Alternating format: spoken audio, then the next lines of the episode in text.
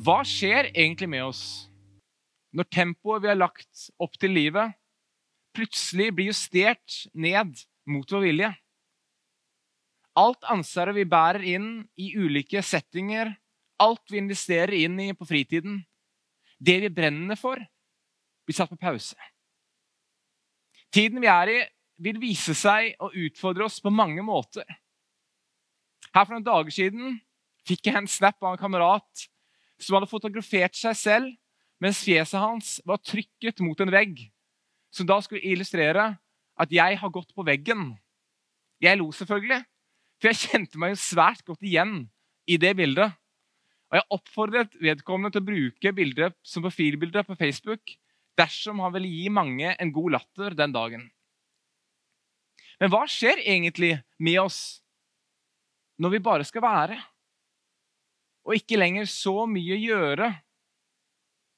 Kanskje går vi på veggen. Kanskje øker vi mengden treningsøkter og kilometer vi logger inn på Strava. Guilty. Men kanskje er det også en tid til å reflektere litt over hva er det egentlig vil bli i, da? Når alt kommer til alt. Hva er det som egentlig betyr noe for meg? I Lukas 10 så står det en tekst som plutselig har blitt aktuell på en helt ny måte i den tiden vi er i nå.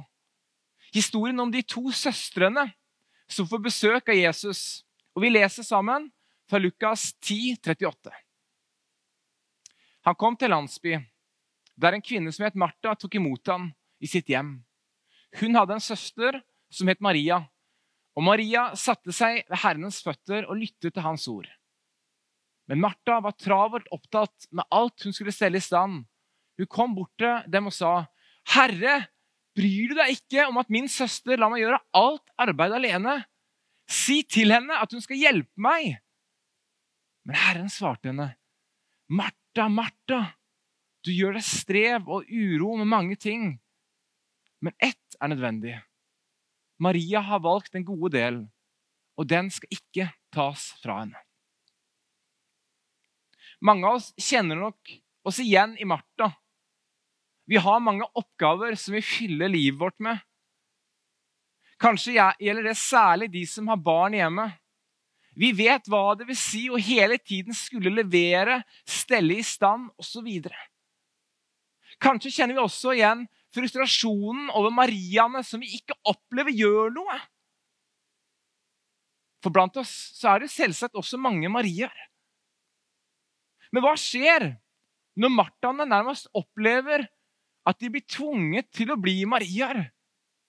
Det vil si, da, utenom skole- og barnehagetiden vi er i nå, eller har vært i nå tidligere, hvor skoler og barnehager er stengt, så har det nok vært for veldig mange av oss nok å gjøre mellom klokka åtte og fire. Jeg hadde en prat med en like før påske, og jeg spurte hvordan det gikk. Han svarte det går ganske greit. Han, jeg sa jeg har fordelen av å være introvert i denne tiden. svarte han meg. Men alle av oss er jo ikke nødvendigvis introverte. Så hvordan berører da dette oss? Kanskje er det noe i denne historien og svaret Jesus kommer med, som kan hjelpe oss på vei. For det han egentlig sier, er jo at dette ikke handler om hvor mye vi strever og gjør oss uro med ting, men at vi velger det rette. Så da blir spørsmålet har jeg valgt det rette.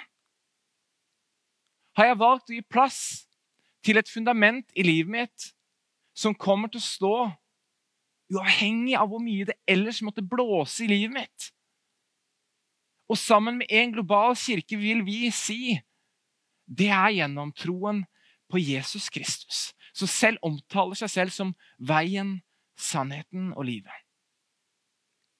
Den nå avdøde Billy Graham sa det slik For den kristne er fred, ikke bare fraværet av konflikt eller en eller annen kunstig tilstand verden har å tilby. Snarere er det den dype, vedvare freden bare Jesus Kristus gir til hjertet. var det det Maria hadde forstått der hun satt. Vi vet jo alle at faren med et liv som alltid skal gjøre noe, alltid skal levere noe, alltid skal rekke noe, alltid skal lede noe, alltid skal varte opp noe, fort også blir et liv hvor det blir liten tid til å tenke gjennom hvorfor gjør jeg egentlig det jeg gjør? Hva ligger til grunn for de valgene jeg tar? Hva skal være avgjørende for livet mitt? Men når vi i en sånn tid som nå, hvor så mange av de tingene ikke er der, hva da? Hva står igjen? Hva betyr noe for meg?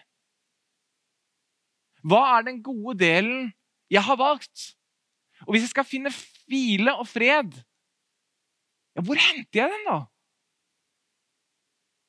Jeg tror nok at deler av svaret på hvor vi finner fred, vil kunne være likt, uavhengig av hvilken tro eller fundament en har i livet.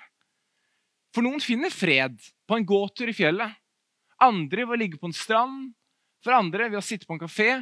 Og for sånne som meg gjennom en løpetur hvor det kjennes ut som alt bare nullstilles. Men hvis vi da stiller spørsmål litt annerledes Hva hviler du i? Hva blir svaret ditt da? For noen ukers tid siden fikk jeg spørsmålet Tviler du aldri? Jeg svarte nei, jeg tviler svært lite.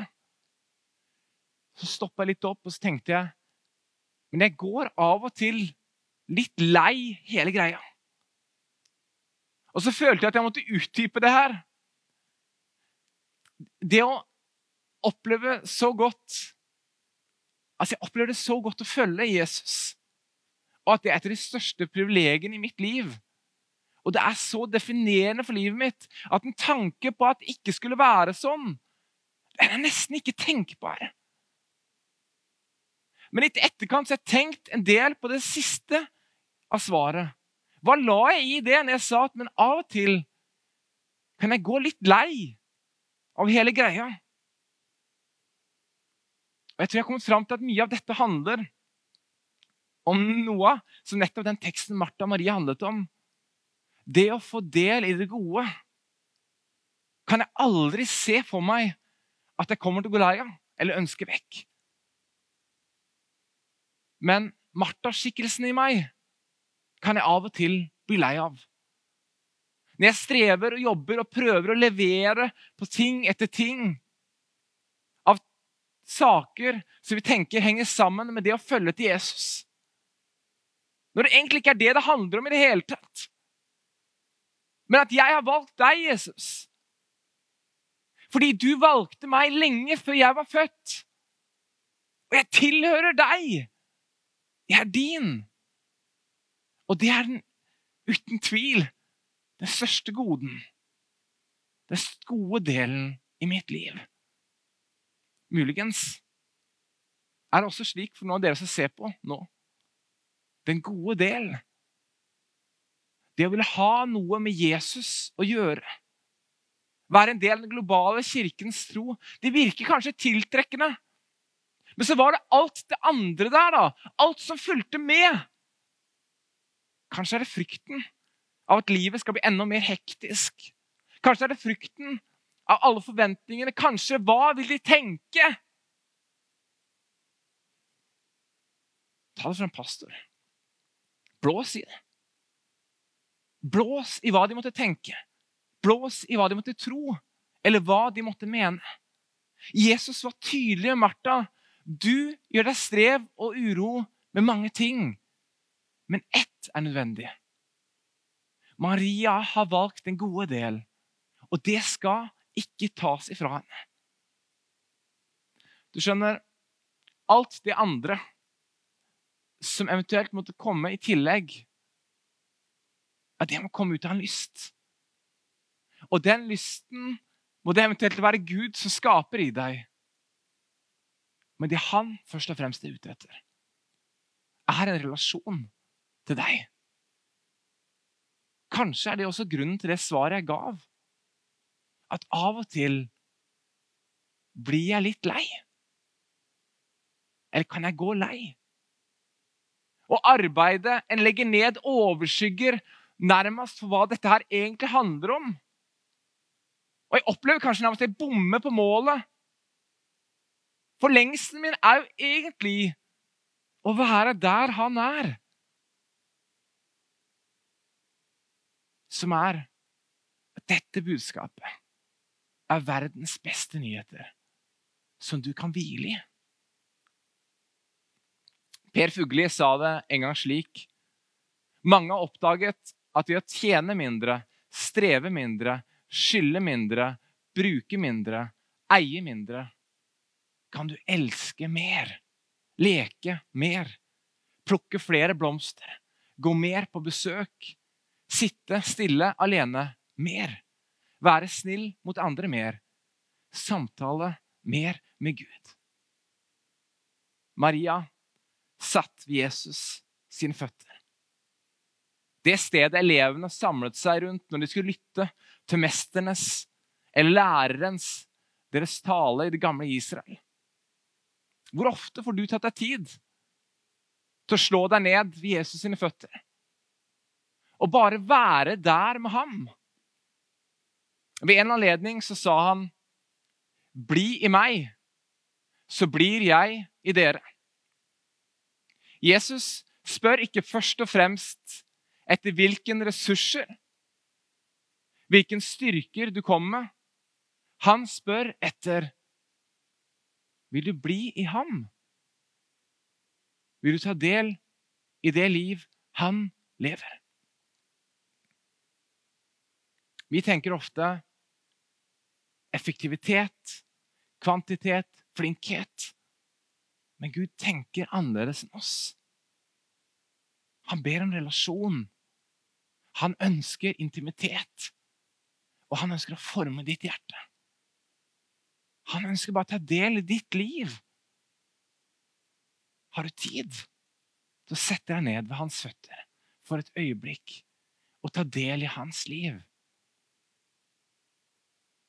Så når alt kommer til alt, da Hva hviler du i?